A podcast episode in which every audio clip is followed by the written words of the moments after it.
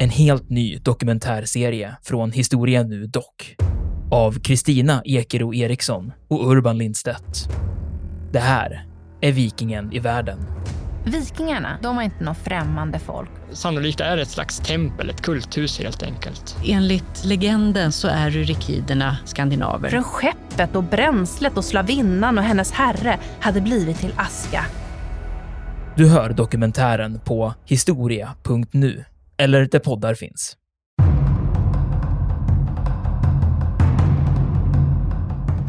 Ja, då ska vi komma ihåg att då finns det ju civila här inne då. Och hur slutar det här då så småningom? Ja, att ryssarna förstår ju eh, så småningom att så här kan de ju inte göra. De börjar också inse, ungefär nästan lite som i, i Ukraina, att den här motståndaren är ju väl förberedd. De har ju utrustning. De har ju en uttänkt taktik. Och då måste man ju övergå till någonting annat. Och då inser man ju att man måste ta det mycket, mycket långsammare. Och man måste dessutom börja kanske använda sin eldkraft. Och där börjar man ju då att systematiskt skjuta sönder då Grosny. Och så småningom då i mars 1995 då så tvingas tjetjenerna helt enkelt att utrymma eh, Grosny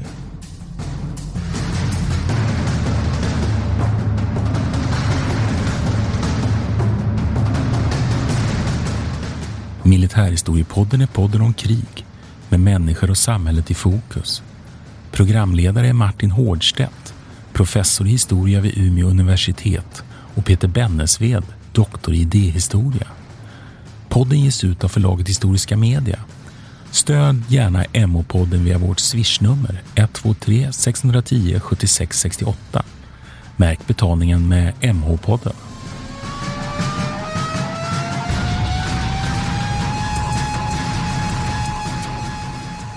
Välkomna till Militärhistoriepodden. Jag heter Martin Hårdstedt. Och det här är Peter Bennesved. Idag är dagens tema Tjetjenienkrigen, som ju kan man väl säga formellt brukar delas upp i två stycken krig. Men vi pratar om konflikter i Tjetjenien och vi ska utveckla lite det där där gränserna går, och när, för det är ju väldigt oklart. Men det är 1994 som det på allvar börjar. Och det är 2009 som man brukar säga då att det i alla fall officiellt avrundas. Så får vi väl återkomma till en, till en diskussion. Och man kan väl bara nämna att här, vi är mitt uppe i Ukraina-kriget. Självklart eh, speglar ju det här valet av tema att vi har ett engagemang i Ukraina-krisen. Och då finns det ju väldigt starka beröringspunkter med Tjetjenienkrisen. Men Peter, som vanligt, en bakgrund måste vi ha, eller ja. hur? Ja, men jag tycker det är intressant att prata lite om eh, de här områdena. Precis som när vi diskuterade Ukraina, det var bra att du tog upp det också. Att det, det finns ju någonting också i geografin och området som också avspeglar sig i, i själva konflikten och varför det, dels varför man bråkar, men också eh, så att säga, krigets form eller en typ av krigföring som också blir resultatet. Och då kan man väl säga att det här området som vi befinner oss i nu, det är ju alltså området som är söder om Stalingrad, för de som har lyssnat på vårt avsnitt om det. Och eh, mellan, det här området som ligger egentligen mellan Svarta havet och Kaspiska havet, så det är en ganska bred landtunga där emellan och som blir liksom eh, porten mellan, mellan norr och syd från Ryssland sett ner. Och det här området präglas egentligen av en, en av världens största bergskedjor då, som är känd som Kaukasien. Och det är inget litet område, det är ungefär 120 mil brett eh, och är väldigt, eh, ett väldigt dramatiskt landskap. Någon av de högsta topparna där är uppe Elbrus som är 5600 meter högt. Så det är ingen liten bergskedja. Eh, och det här, har, det här området har ju en väldigt lång historia av mänsklig aktivitet naturligtvis. För det, det präglas det av väldigt bördiga områden, djupa dalar, mycket vatten, det eh, har varit mycket odlingsmöjligheter och sen, och sen så är det stäpper liksom på båda sidor egentligen. Eh, så att det får, den har alla element eh, samtidigt som det är ett väldigt besvärligt område att ta sig över. Både från öst till väst och nord till syd. Och det har varit eh, präglat det här området ganska mycket. Och av den här orsaken så finns det då alltså en väldig mängd olika små republiker. Det har bildats små kungariken och eh, olika folkslag som har liksom vissa intressenområden. Och Tjetjenien är ju ett av dessa områden som finns på den norra sidan av Kaukasien egentligen ett av de större eh, som flankeras av, av eh, bland annat Dagestan som vi kommer att prata en hel del om också, eller nämna i alla fall den här eh, formen på det området har också gett lite speciell karaktär till de här folken. Att de är ganska, det är närmast eh, anarkistiskt uppbyggt. De här, många av de här små, eh, vad ska man säga, folkgrupperingarna och samhällen som har bildats, som är väldigt självständiga i sin kultur. Och det har varit svårt då för stora centralmakter att ta kontroll över de här. Och Tjetjenienkrigen präglas ju just av det, att det är en väldigt ja, mycket självständighetsgivande och svårt att nöja sig med, med någon slags övermakt. De är vana att styra själva och mycket så släkt och klanbandskulturer finns i det här området också. Det här området kallades under den romantiska perioden kallar man det för, för eh, de många språkens berg, kan man lägga till. Och det, har, det här har diskuterats egentligen romartiden, det här området, så det är absolut ingenting eh, nytt så. under 1890-talet så är det då som Ryssland börjar röra sig ner i det här området. Och då är det alltså Tsarrysslands eh, liksom expansionsiver. Det som vi också kommer se sen i, i eh, form av eh, kriget mot Japan, det rysk-japanska kriget 1905. Jag kommer säga att det är samma, samma impuls från, från det ryska imperiet, deras vilja att söka sig söderut och, och eh, österut. Och det gör man bland annat med rälsen, precis som man bygger den transsibiriska järnvägen. Här bygger man också en järnväg ner och försöker runda de här kaukasiska bergen.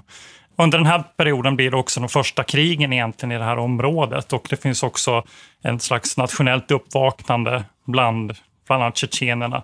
Och då är det en person som heter Abdul Tapacharmov som är egentligen den första liksom, självständighetsgivaren och han slåss mot Tsarryssland i det här första kaukasiska kriget under eh, mitten av eh, 1800-talet. Och där är liksom lite grann bakgrunden till det som, som vi kommer landa i eh, här nu. Då. Under Sovjettiden så drabbas det här området också ganska hårt och det är ju i samband när vi pratar om det här med Stalingrad. Att eh, Stalin var ju väldigt rädd för att de här eh, folken som fanns här med sitt närmast anarkistiska typ av leverne, att de skulle liksom sluta upp på den tyska sidan. Eh, så att han såg, Stalin såg till att, att helt enkelt frakta bort och bara skicka folk i exil. Närmare 400 000 tjetjener ska ha dragits därifrån eh, in i Kazakstan och upp i Sibirien bland annat. Och det här är någonting vi kommer återkomma till, för det här har verkligen präglat deras eh, syn på sig själva och deras roll. Och det känner vi också igen från Ukraina, det var precis samma sak där. Att man, det man gjorde med kosackerna, som också hade en liknande eh, så idé om sig själva och sin en egen nation. man var rädd att de skulle sluta upp på tysk sida, så man fraktade iväg dem. Många dog förstås, väldigt grisigt, typiskt Stalin får man väl säga. Men de får ju komma tillbaka sen ju efter Stalins död, visst är det ju så på 50-talet? Efter 1953? Ja, så, inte så riktigt. Man... Det tar längre tid. Alltså, det är möjligt att de fick komma tillbaka. Det, det kan jag inte svara på. Men jag vet att eh, man brukar säga att under 80-talet, under glasnost och perestrojka-perioden, under Gorbatjov, det är då som många flyttar tillbaka. Och många av de som kommer strida i det första Tjetjenien och så småningom också det andra Tjetjenienkriget är faktiskt födda i exil. Men det är möjligt att de fick komma tillbaka tidigare. Men, eh, ja, men det sker någonting under 80-talet som gör att den här strömmen, att det bildas en motström, eller att de rör sig tillbaka. Quality sleep is essential. That's why the Sleep Number smart bed is designed for your ever-evolving sleep needs. Need a bed that's firmer or softer on either side? Helps you sleep at a comfortable temperature? Sleep Number smart beds let you individualize your comfort so you sleep better together. JD Power ranks Sleep Number number 1 in customer satisfaction with mattresses purchased in-store. And now save 40% on the Sleep Number limited edition smart bed for a limited time. For JD Power 2023 award information, visit jdpower.com/awards. Only at Sleep Number stores or sleepnumber.com. If you're struggling to lose weight, you've probably heard about weight loss medications like Wigovi or Zepbound, and you might be wondering if they're right for you. Meet PlushCare, a leading telehealth provider with doctors who are there for you day and night to partner with you in your weight loss journey. If you qualify, they can safely prescribe you medication from the comfort of your own home. To get started, visit plushcare.com slash weight loss. That's plushcare.com slash weight loss. Plushcare.com slash weight loss. Even when we're on a budget, we still deserve nice things. Quince is a place to scoop up stunning high-end goods for 50 to 80% less than similar brands. They have buttery soft cashmere sweaters starting at $50 luxurious Italian leather bags, and so much more. Plus, Quince only works with factories that use safe, ethical, and responsible manufacturing. Get the high-end goods you'll love without the high price tag with Quince.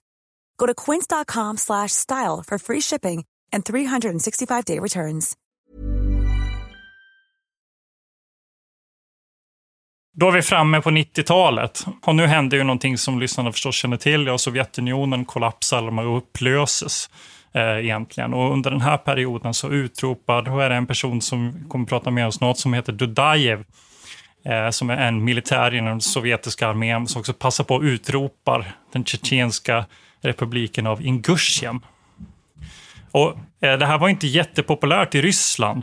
Men då ska man komma ihåg här att det finns fortfarande under den här perioden så finns det två olika linjer. Å ena sidan Gorbatjovs Sovjetunionen och så finns det ryskt då finns det självständiga Rysslands egna ambitioner. Så de här går lite grann i clash. Så det är inte anledningen till att det inte blir en omedelbar reaktion eh, från Jeltsins Ryssland. Det är för att han också finner motstånd från det som är fortfarande Sovjetunionen här i det inledningsskedet. För Gorbatjov, han är inte nödvändigtvis emot de här självständighetsgivrande. Men när Gorbatjov sen försvinner och Jeltsin har så att säga, etablerat sin maktposition som president för den ryska federationen och lagt militären under sig. Det är då han vänder sig mot Tjetjenien. Mm. Och vad är det man slåss om, Martin? Vad är det man vill ha i Tjetjenien från rysk sida? Ja, det är ju egentligen ganska enkelt. Det är ju olja. Ja. Och där har vi, har vi dagens eh, Ukraina-konflikt också, där ju att just de här råvarorna spelat väldigt, väldigt stor betydelse. Och vi kan väl också bara säga att det var ju också därför som tyskarna ville ta det här området under andra världskriget. Ja, exakt. Och precis. Jag kommer ihåg vi pratade om det när vi diskuterade Stalingrad, att han splittade upp sin armé i två olika linjer egentligen. Den ena gick mot Baku, eh, som ligger på det Kaspiska havet, där vid, vid kusten. Och där all oljeraffinaderier och allting, då, eh, den infrastrukturen finns, medan den andra gick norrut mot Stalingrad för att liksom låsa in det där området. Så det är ju precis det, det är samma konflikt egentligen. Men vill du kommentera på min eh, redogörelse för Nej, men jag tycker att det är intressant just den här motsägelsen mellan det som först är Sovjetstaten. Och Sovjetstaten hålls ju framförallt ihop ju av Röda arméns liksom våldsmöjlighet, om man uttrycker sig så. Alltså den kraftfulla insatsen av Röda armén. Och det är ju likadant med, med staterna ute i, i, i Östeuropa så länge man kan gå in med Röda armén i Ungern, i, i, i Tjeckoslovakien och så vidare, Warszawapakten, då, då håller man ihop det här. Sen är det Eh, vittrar sönder, ja då blir det ju nationalismen istället. Och precis som du säger, då blir det ju nationalism i de här olika delarna av det som förut var Sovjetunionen och rysk nationalism. Men sen när, när det här börjar sätta sig och Jeltsin börjar liksom, det lugnar ner sig, Ryssland börjar ta ny form, ja då vill man ju återigen expandera och ta tillbaks de här om. Då är man inte längre så intresserad av de här nationella rörelserna, inte ens i Baltikum faktiskt, och inte minst i de här områdena som, som ju är av ekonomisk betydelse. Och där har vi ju Putins Ryssland idag också. Nu är det ju nationalismen och geopolitiken som det handlar om och som håller ihop liksom Ryssland. Det är lite dubbelt. Först är Jeltsin liksom för den här äh, nationella frigörelsen, men sen får han ju problem när den börjar så att säga även eh, underminera hans Ryssland. Så det är ju så att det är han som också sen fattar så småningom det formella beslutet att faktiskt gå in i Tjetjenien och agera mot de här utbrytare och separatisterna under Dudajev. Mm. Jag kan säga någonting om den här, som du sa, med Sovjetunionens arv med att det här har också påverkat den här konflikten från ett religiöst perspektiv. För att eh, den typen av islam som de här personerna... Vi kan säga att Tjetjenien är ju rätt dominerat av uh, muslimer. Det är ju inte mm. nödvändigtvis kristet område. Nej, nej, nej. och det har ju att göra med att ottomanerna har rört sig uppåt här under, från om man säger 1500-1600-talet uppåt. Och för, först med den ryska expansionen så drevs de iväg därifrån. Så det här området är ju dominerat av, av islam.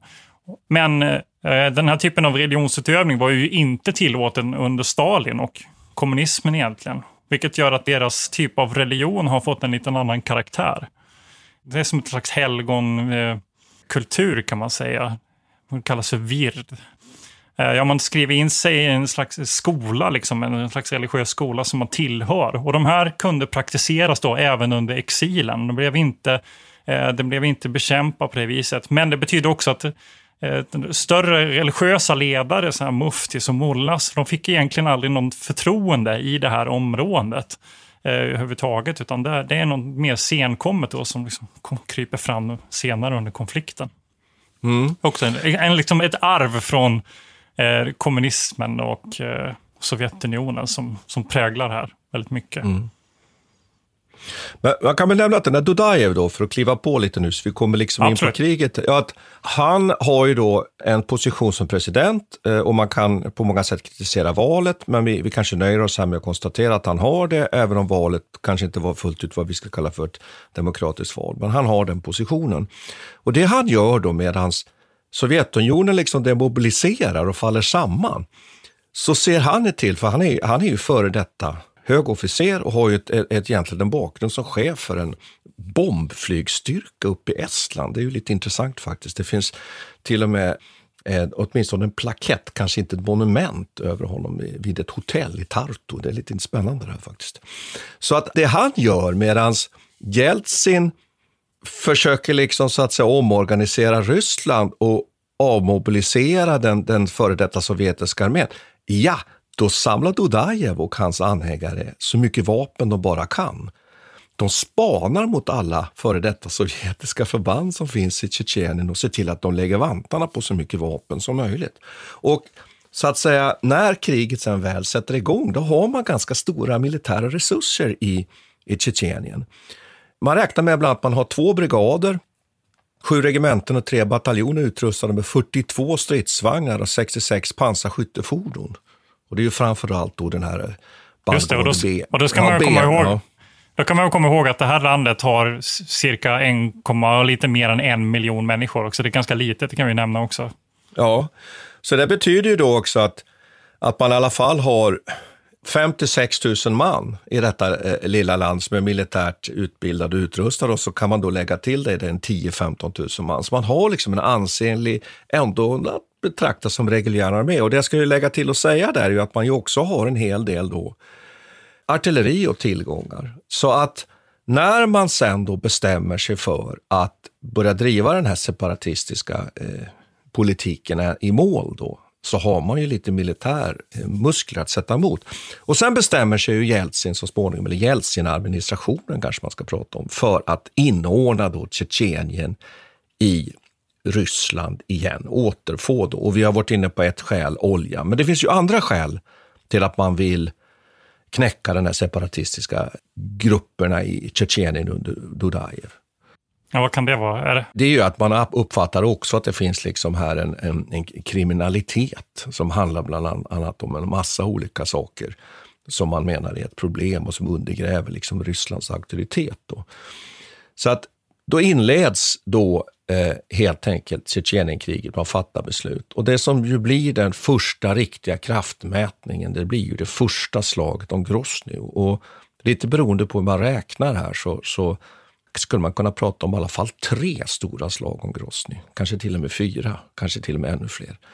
Men det riktigt stora, så att säga, inledande, om man nu får uttrycka sig så, klassiska slaget om Grozny, det inleds då på nyårsnatten mot den 1 januari 1995.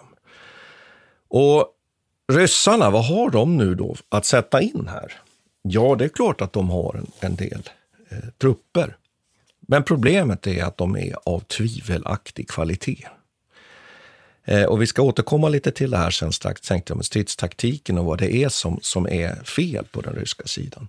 Men man bestämmer sig för att gå in i Grozny nu från olika håll flera olika håll. Man har framförallt det är tre huvudanfallsriktningar.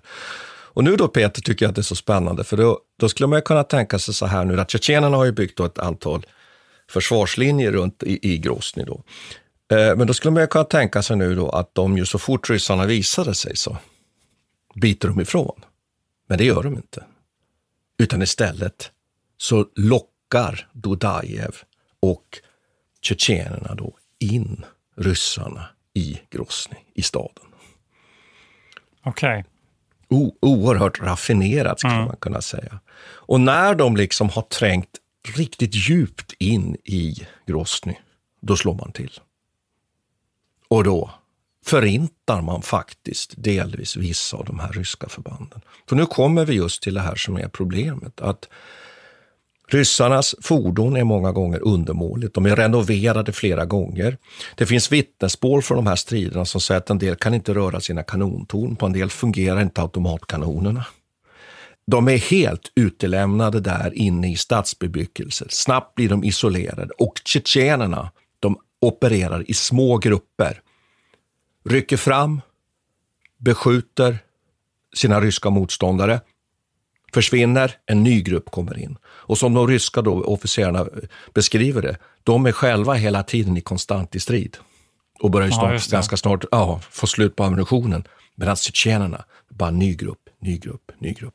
Så att man kan säga att här utspelar sig ju alltså ur ett ryskt militärt perspektiv liksom en tragedi. Man kör fullständigt fast. Och vissa av de här ryska förbanden, som jag sa, de i stort sett förintas. Och det finns oerhört brutala beskrivningar på att de skickar ju in förstärkningar och de här förstärkningarna kommer ju in på gator som är överströdda med ryska lik och de kör liksom med sina bandpansarfordon över de här liken och det till och med liksom sprutar kroppssubstans upp över de här stridsfordonen. Oerhört liksom brutala strider. Mm.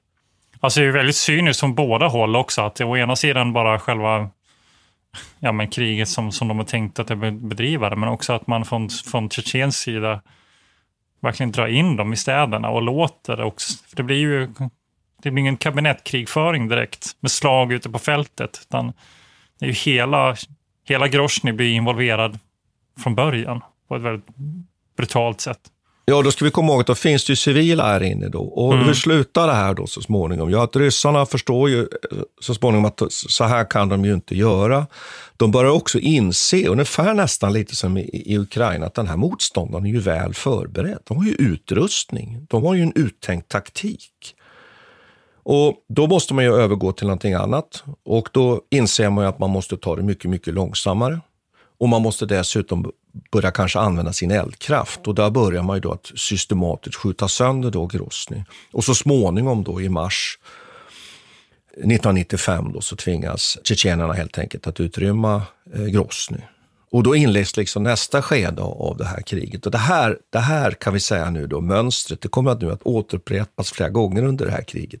Nämligen att ryssarna till slut lyckas trycka ut tjetjenerna ur Grosny. Men vad gör tjetjenerna då? Ja, då tar de sig upp i bergen och så fortsätter striden då. Först i mindre städer, men sen uppe i, i bergen. Då. Och det säger sig ju självt att när tjetjenerna kommer upp i bergen, ja, det är ju en terräng de behärskar. Och det är också en, en terräng där, där ryssarna sen har oerhört svårt att komma åt dem. Mm. Det har vi sett många exempel på i, i vår podd. Ja, och framförallt den här Argundalen då är ju en sån klassisk mm. plats för de här striderna. Så man kan ju leta upp på en karta om man skulle vilja göra det då. Millions of people have lost weight with personalized plans from Noom. Like Evan, who can't stand salads and still lost 50 pounds. Salads generally for most people are the easy button, right? For me, that wasn't an option. I never really was a salad guy. That's just not who I am. But Noom worked for me. Get your personalized plan today at Noom.com. Real Noom user compensated to provide their story. In four weeks, the typical Noom user can expect to lose one to two pounds per week. Individual results may vary.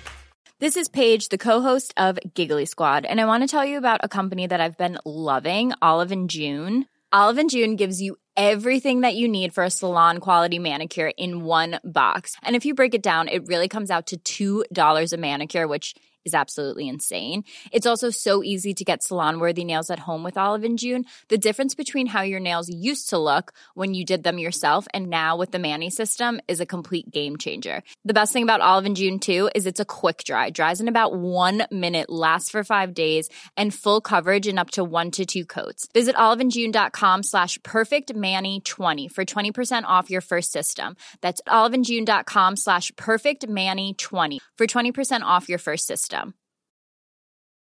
This is Paige, the co-host of Giggly Squad, and I want to tell you about a company that I've been loving, Olive and June. Olive and June gives you everything that you need for a salon quality manicure in one box. And if you break it down, it really comes out to $2 a manicure, which is absolutely insane. It's also so easy to get salon worthy nails at home with Olive and June. The difference between how your nails used to look when you did them yourself and now with the Manny system is a complete game changer. The best thing about Olive and June, too, is it's a quick dry. Dries in about one minute, lasts for five days, and full coverage in up to one to two coats. Visit oliveandjune.com slash perfectmanny20 for 20% off your first system. That's oliveandjune.com slash perfectmanny20 for 20% off your first system.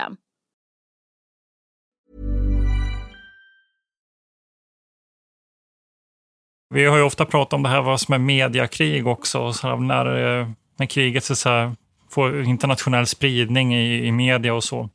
Här får vi mobiltelefonen som gör sitt eh, Just det. In, intrång ja. i, i, liksom, i krigsretoriken och i, i krigspropagandan. Precis som eh, jag tänker på Krimkriget när telegrafen är med första gången. Och, Eh, ja, men alla de här sakerna som vi har diskuterat. Men här är det mobiltelefonen som nu är en ny teknik och som tjetjenerna behärskar väldigt bra. Att de faktiskt lyckats, eh, att de, har liksom, de ringer upp och berättar för journalister världen om och vad som händer och det får, en, de får väldigt medial spridning i den här första delen. Och, eh, också en hel del sympatier, trots att de själva är ju extremt brutala i sitt sätt att föra krig mot tillbaka eller försvara sig. Så är det ju. Men som vi, precis, precis som i Ukraina nu kan man väl säga att, eh, att tjetjenerna faktiskt vinner det första propagandakriget i alla fall. Eh, I den andra delen av kriget kommer de inte göra det kan man väl säga med en fas, utan det är ju precis tvärtom. Men här vinner de faktiskt det internationella samfundets hjärtan lite grann. Mm. Och det gör ju också att en sak som är ett väldigt viktigt inslag i det här, att man skulle kunna lite generalisera och säga så här att många gånger när den ryska armén har tjetjenerna på gaffel, om man uttrycker sig så. De har ringat in dem och det är det som händer nu i de här striderna uppe i, i, i bergen. Att ryska armén har egentligen kvar att sätta in sista trycket för att besegra Tjetjenien. Ja, då kommer det en vapenvileorder från Moskva och det beror ju på just det här som du säger, då. en sak som är väldigt viktigt här, det är just att omvärldens inblickar i det här och den kritik som finns. För det som inträffar här så småningom då när kriget fortsätter in då på 1996, det är ju att Jeltsin vill ju så småningom bli omvald som president. Och en sak som är väldigt viktig för honom, det är att få slut på det här kriget i Tjetjenien. Mm, I tid, ja. Mm. ja. Därför inleds då ett antal sådana här förhandlingar om vapenvila. Sen är det också intressant att Dudajev har ju faktiskt också en opposition inom sina egna tjetjenska led. Och den här Mashadov, han är eh, militär och en form av, liksom, vad ska vi kalla det för, stabschef egentligen på den tjetjenska sidan. Och han inleder förhandlingar med ryssarna för han vill ha slut på kriget. Han inser att det här egentligen bara kommer trycka ner Tjetjenien och förstöra hela det tjetjenska landet, om man säger så. Framförallt slå mot civilbefolkningen. Så att han är på det sättet kanske inte direkt i opposition, men har en annan uppfattning Dudajev. Dudajev, han vill liksom fortsätta till varje pris och Jeltsin vägrar att liksom träffa den här Dudajev. Så småningom kommer ju Jeltsin inse att han måste få till en vapenvila om man ska vinna valet. Och det som händer här är så jättespännande. Dudajev, han dödas ju i en, en raketattack. Han pratar i satellittelefon och det leder ryssarna in då helt enkelt några missiler och dödade honom i april 1996. Ja, och det, jag tänkte det här med precisionsbombning som också ja. är en faktor här som vi pratade ja. om i Kuwait-kriget. Att det är liksom den här ny, ny typ av teknik som får väldigt stora effekter. Och den här önskan att slå ut ledargestalter på det viset är också... Ja. ja. och då kan man bara säga så att då har redan i mars 1996 så har liksom Jeltsin officiellt deklarerat det fred. Men då pågår ju fortfarande striderna. Och sen beordrar han ju armén att dra sig ur helt enkelt och det blir vapenvila som mycket faktiskt ryssarna självmant tar på sig att göra på order från Moskva. Och sen så småningom då blir det någon form av egentligen då, det här är väldigt, väldigt liksom vagt vad som egentligen är ett fredsavtal i Tjetjenien. Men man kan säga att det kommer till en fred under sommaren då 1996. Liksom ett, ett på något sätt ett fredsavtal. Då. Och det är ju därför att Jeltsin behöver vinna presidentvalet och kunna visa upp då att det här Tjetjenienkriget är över. Men det intressanta här är nu då att tjetjenerna avbeväpnas inte. De finns kvar, de har kvar sina vapen, de har kvar sina veteraner och de bidar sin tid och kommer ju sen så småningom här nu då att, att ändra taktik i det här kriget, att nämligen övergå till terrorverksamhet. Men... Ja, precis. Får jag, får jag göra ett inspel där? För jag tycker det här som du nämnde, avtalet, Kasavurt-avtalet, eller Kasavurt-ackorden mm. från 1996, de föregås ju av just en inledning på den här mer eh, terroristtaktiken. Och då är det en person som heter Shamil Basajev som, som som en känd militär ledare i det här området och som har en lång erfarenhet av att strida i Kaukasien på olika sidor här nu i, i de här olika regionerna. För det är inte bara i Tjetjenien man slåss om sin frihet utan även i Georgien har det varit krig och eh, i Nagorno-Karabach-området med eh, det har också föregått strider. Eh, och så den här Basajev, han har samlat på sig erfarenhet och åkt runt här och varit vad ska man säga, en slags grillaledare med religiösa islamistiska förtecken. Han har också varit i Moskva under, under eh, den ryska revolutionen där, 91, när han hjälpte Jeltsin. Han stod egentligen på Jeltsins sida. Men han gör en ganska intressant aktion här nu. Han tar sig in i ryskkontrollerat område, alltså på andra sidan gränsen. De gömmer sig i en kolonn här, en militärkolonn, och så åker de in i en stad som heter Budjonovsk i juni 95. Och så ockuperar man på först polishuset och stadshuset och sen så när man inser att ryssarna är på väg med sina trupper så ser man till att ockupera ett sjukhus. Och det här sjukhusgisslandramat som uppstår här i sjukhuset i Budjonovsk man ser det på, från den tjetjenska sidan som ett mest, en av de mest lyckosamma dragen som man gör då, och, och någonting som tvingar fram det här fredsavtalet eller vapenvilaavtalet. Så det är väl lite omtvistat om det verkligen var det som, som var spiken i kistan. För att man kan ju också säga att den tjetjenska motoffensiven mot Grozny är ju också genomförd, eller genomförs väl efter tror jag, eh, och är ju väldigt lyckosam. Så att, att man kan väl ta det där lite med en nypa salt. Men man ser det på tjetjensk sida som att den här typen av terroristverksamhet där väldigt många civila dör faktiskt. Det är 129 civila som, som dör i den där gisslandramat och det, de ryska trupperna lyckades aldrig egentligen ta tillbaka sjukhuset och, och de här egentligen alla tjetjenier lyckas ta sig därifrån. Som de använder civila som en slags mänsklig sköld för att dra sig ur det här området. Och det här ska då ha drivit fram Jeltsin att faktiskt komma fram till förhandlingsbordet. Så där ser vi starten av en slags ny vändning i det här Tjetjenienkriget mm. som rör sig mm. mot mer liksom slags terroristaktiviteter. Men även världen runt omkring. Samtidigt som tjetjenierna bidar sin tid, som du förklarar så bra, så, så sker ju andra saker här ute i världen. Det kommer en person som heter Osama bin Laden som ställer till med en massa saker.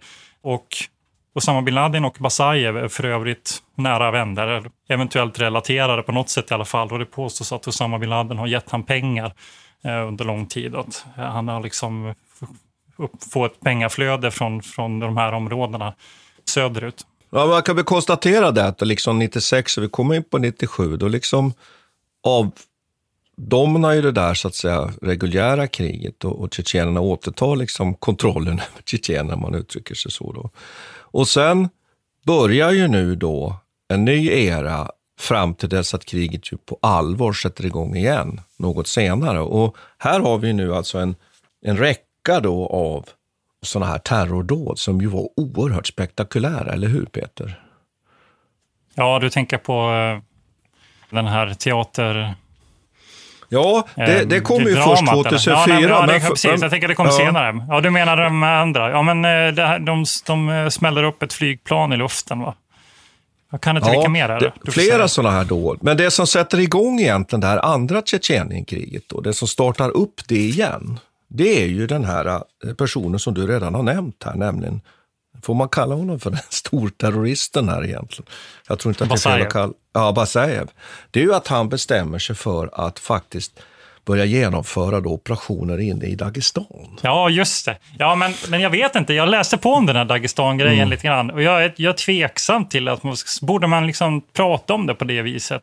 För det finns så mycket omstridda diskussioner om huruvida han var köpt av Moskva vid det här tillfället. Ja, och det finns det med alla, många ja. av de här dåden sen som vi kommer att ja. nämna. Där har man ju diskuterat väldigt mycket att är det så att rysk underrättelsetjänst ligger bakom de här dåden för att man ska få anledning att gå in i Tjetjenien och ta fullständig kontroll över Tjetjenien. För det som är klart här efter det här första Tjetjenienkriget är att man har ju inte kontroll över Tjetjenien.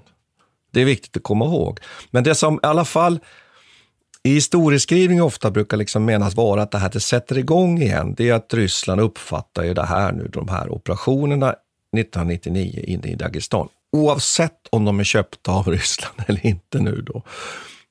min uppfattning är att, att det kanske inte var så, utan att det här är tjetjenerna som driver detta själva. Då startar det här kriget om igen och man från rysk sida börjar förbereda sig på att gå in i Tjetjenien igen, vilket man ju faktiskt också gör.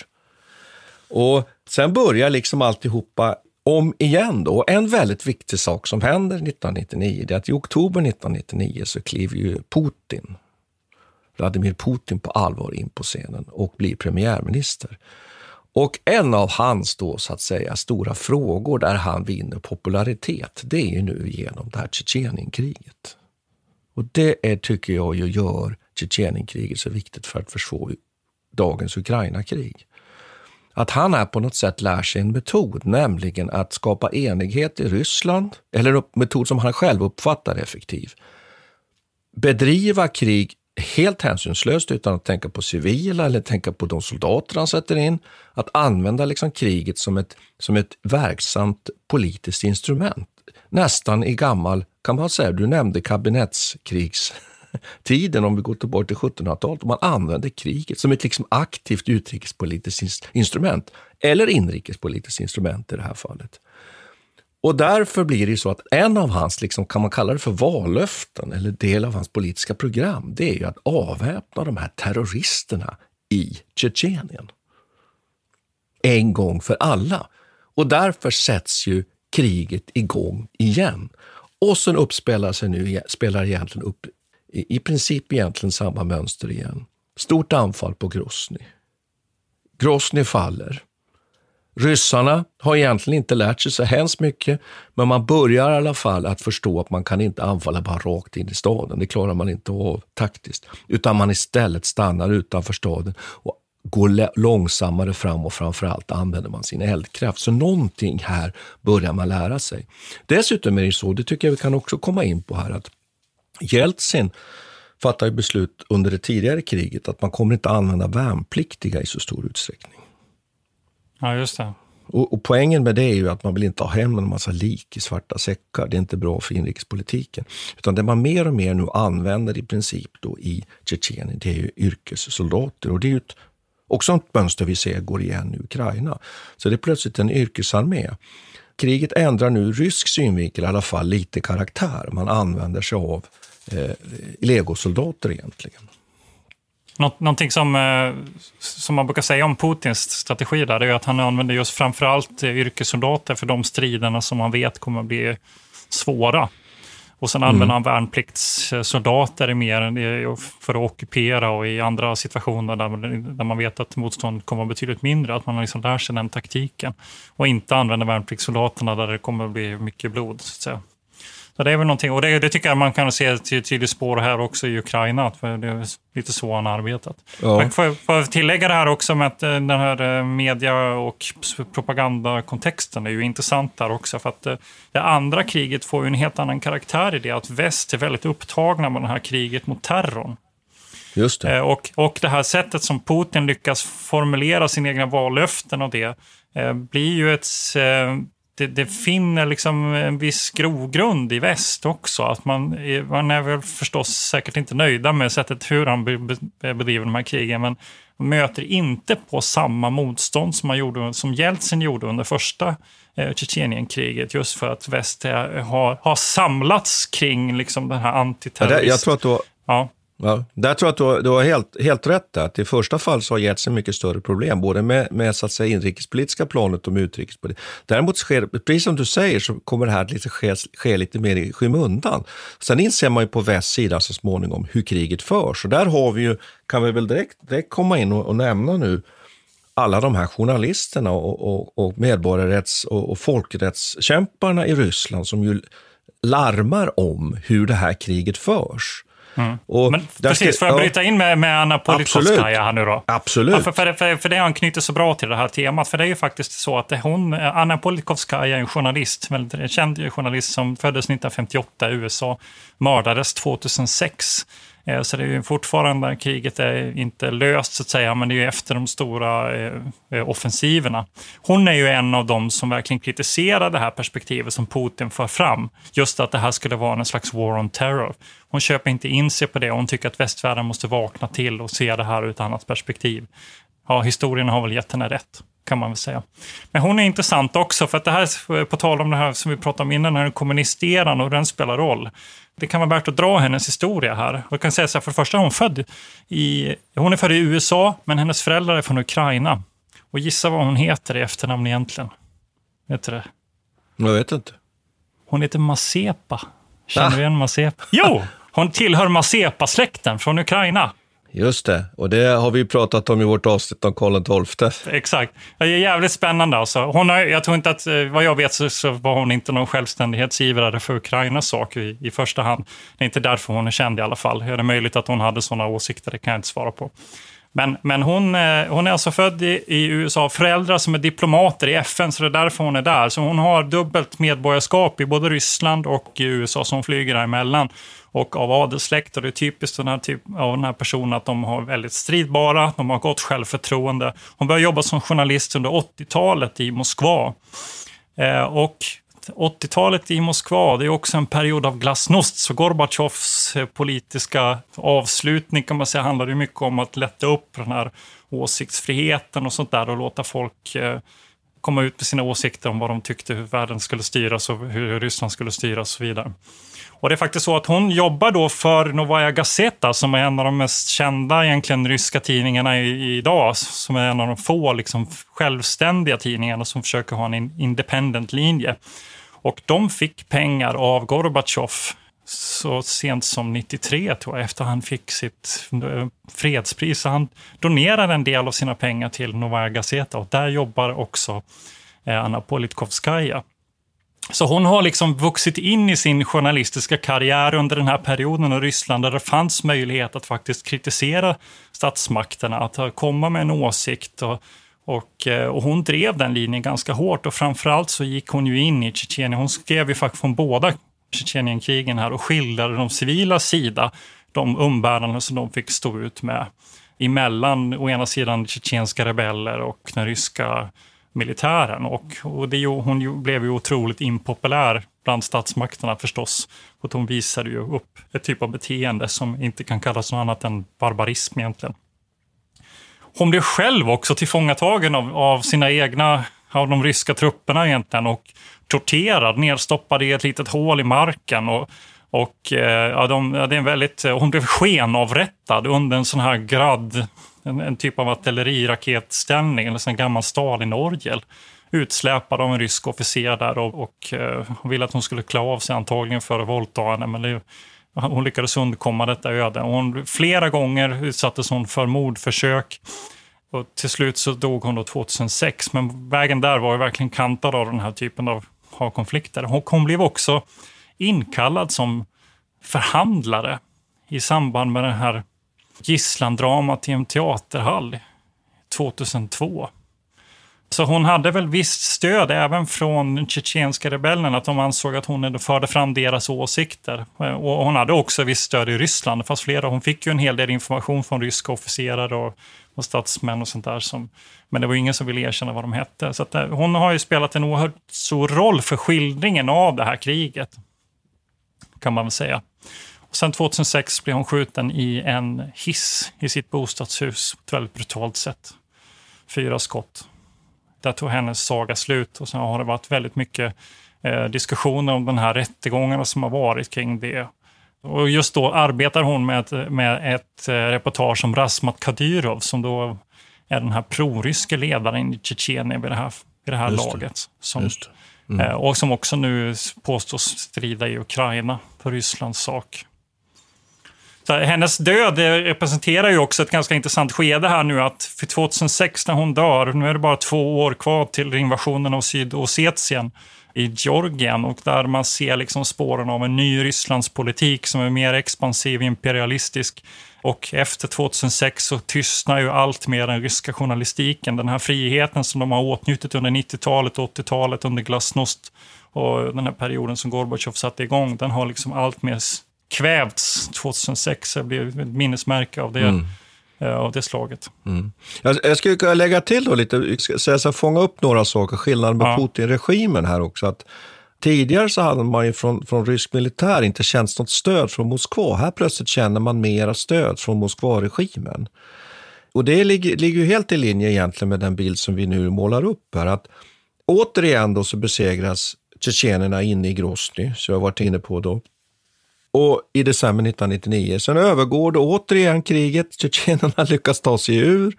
Eh, man lyckas ta sig upp i bergen och sen så småningom utkämpas egentligen de sista striderna på riktigt, riktigt allvar, de stora striderna i, i på våren, den april 2000. Komsomolskoje är egentligen namnet på den orten, riktigt stora sista slaget då äger rum. Och sen fortsätter striderna då som gerillakrigföring från tjetjenernas sida och konflikten liksom avrundas ju egentligen inte ordentligt förrän 2009. Man kan ju också nämna här att den här Basajev då dör eh, 2006. I samband med, samma, ja. med, ja, samband med en, med en eh, explosion. Och sen var du lite inne på här att det kommer ju sen så småningom nya, nya presidenter. Och fortfarande är det ju så att, att, att situationen då när vi kommer fram till 2009, den är fortfarande väldigt instabil. Men det är ändå så att i någon mening får man väl ändå uttrycka det så att ryssarna ändå får kontroll över Tjetjenien i någon mening. Normally, being a little extra can be a bit much, but when it comes to healthcare, it pays to be extra.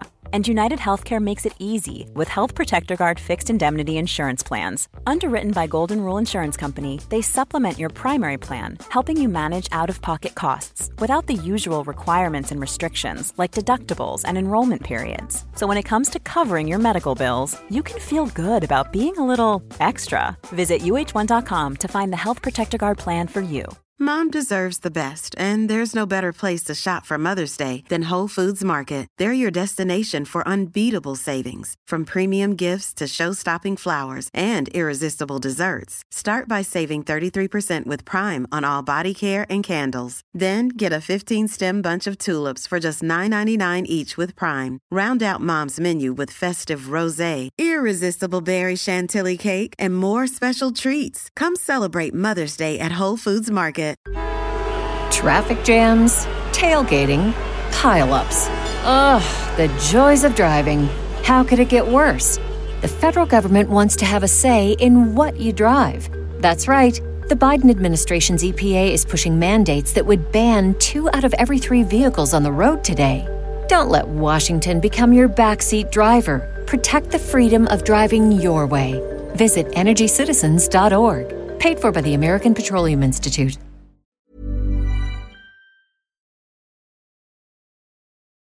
En sak som jag tycker vi skulle behöva ta upp då, det är just alltså att det här kriget förs med oerhörd brutalitet. Och, och självklart är det så att civila dör. Det, finns, det är väldigt svårt att räkna ut hur många som egentligen dör i de här krigen. En siffra som jag har tagit del av det är 160 000 människor, civila som dör. De finns ju kvar inne i Grosny som jag som jag redan varit inne på, där det utkämpas ett antal slag, flera slag inne i Grosny. Men det är också så att brutaliteten är ju fruktansvärd mellan tjetjenska soldater och ryska soldater, där man ju torterar fångar som man tar. Och här har man ju olika metoder då på båda sidor. Det berättas bland annat att, att tjetjener som får tag på ryssarna, att man sliter sönder krigsfångar mellan två stridsfordon.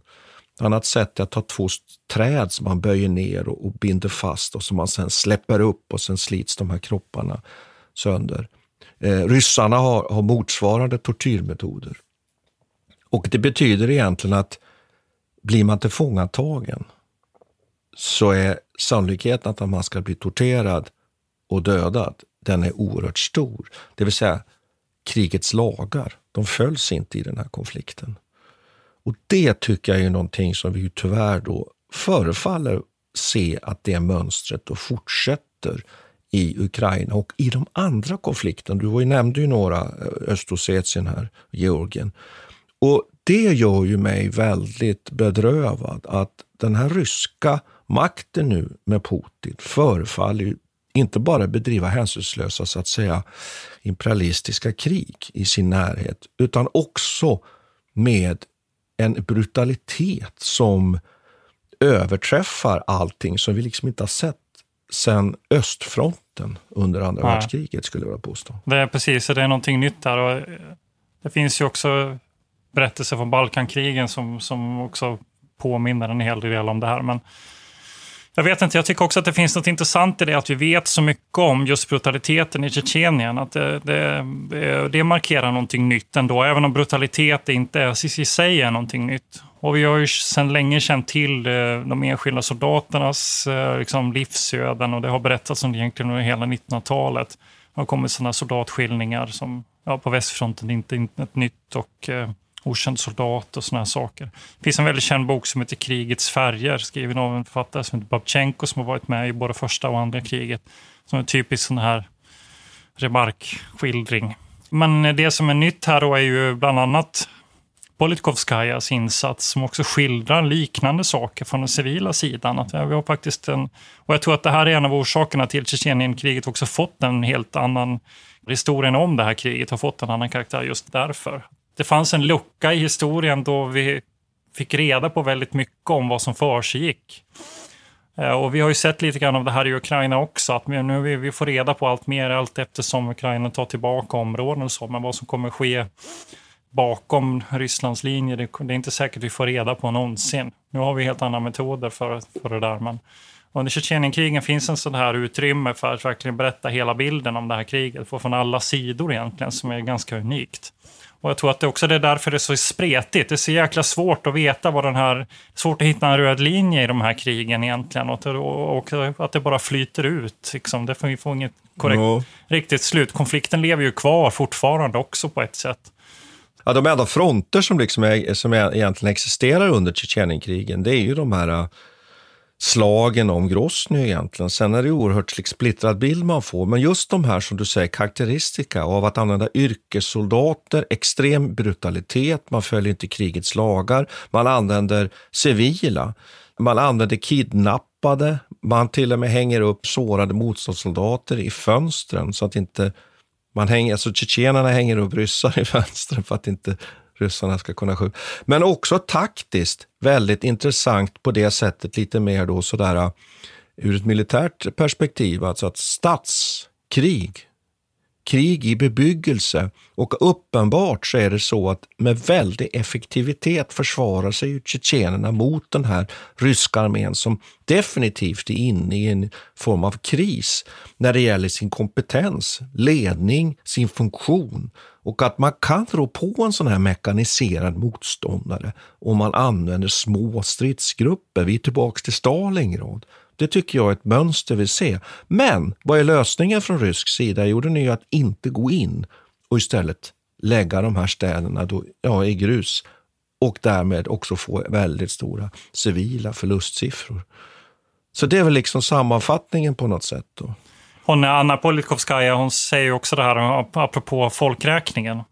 Man gjorde en folkräkning under Sovjettiden och då räknade man upp, det var väl 70-80-talet någon gång, Eh, räknar man upp ungefär en miljon tjetjener. Sen har man liksom extrapolerat den där siffran. Under 90-talet räknar man med 1,3.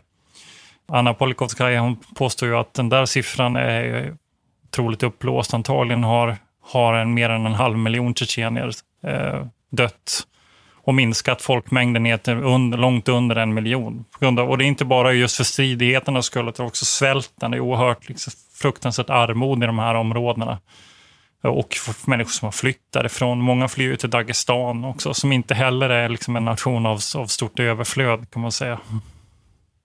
Ja, men vi kanske, ska, vi kanske ska, det finns mycket att säga om det här um, barbarismen och allt det här. Men vi får anledning att återkomma till det tycker jag. Känner du att du vill tillägga någonting mer Martin? Ja, det enda man kanske kan tillägga då är att, att det också har varit väldigt mycket diskussioner om förlustsiffrorna i Tjetjenien, ryska förlustsiffror. Och det tror jag vi kommer se i Ukraina också. Här finns ju siffror allt mellan 7 000, 10 000, 15 000. Och det är lite svårt med de där siffrorna. Och ryska myndigheter är inte så, så att säga, öppna för att redogöra för alla förlustsiffror. Eh, däremot vet vi att de var många, mycket, mycket större på den tjetjenska sidan. Så att det känns lite att i en sån här konflikt känns det nästan lite meningslöst att ange så mycket exakta förlustsiffror. Men de, de, det antal som jag nu nämnde ger i alla fall en uppfattning ungefär om, om, om, konfliktens storlek. Och Jag tror att man kan avrunda med en sak, Peter, ändå säga att det här är, ett, om man uttrycker sig så, ett mindre krig i den meningen att det är mindre truppmassor involverade än det krig vi ser i Ukraina. Så det vi tyvärr nog har att förvänta oss det är ju att, att förlustsiffrorna kommer bli oerhört mycket större i Ukraina. Det, det är i alla fall min tro i slutändan. Så får vi se. Förhoppningsvis blir det inte så, men det är min tro. Ja, men vi kanske säger eh, tack ska vi ha då. tack ska så... vi ha, med, med en viss, får man väl säga, eftertänksamhet. För det här tycker jag ändå var... Ja. Precis som Ukraina-avsnittet så tyckte jag det här var ett ganska tungt, tungt avsnitt att göra, måste jag säga. Mm, det är tung inläsning och vi, jag tycker vi ska återkomma till det här och försöka gräva lite i varför man beter sig som man gör på fältet. Både mm. Mot civila och mot sina eh, motståndare. Så det blir mer av det. Och sen så framöver så kommer vi också prata mer om Kursk. Så vi kan säga att det här kommer att bli lite av en eh, östeuropeisk slash rysk vår för Militärhistoriepodden. Krigets stora vändpunkt på östfronten under andra världskriget. Så vi fortsätter mm. att hålla oss i de här områdena får man faktiskt uttrycka det. Ja. Så på, på återhörande, bästa lyssnare. Vi tackar Peter Bennesved och Martin Hårdstedt. Kontakta gärna Militärhistoriepodden via mejl på militarhistoriepodden historia.nu. Peter och Martin vill gärna få in synpunkter och förslag till programidéer.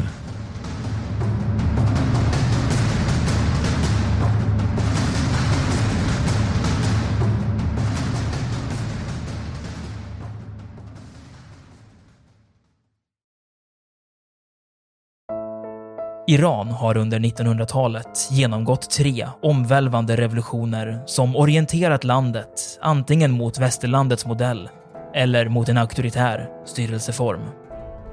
Idag pågår en social revolution i landet som vänder sig mot det islamistiska styret och vars anhängare har Europa och väst som förebilder. I en viktig bok ger idéhistorikern Mohammad Faslashemi en djupare förståelse för dagens dramatiska händelseutveckling. Iran mellan tre revolutioner är utgiven av förlaget Historiska Media. Beställ den fysiska boken på förlagets hemsida historiskamedia.se eller köp den i en bokhandel nära dig.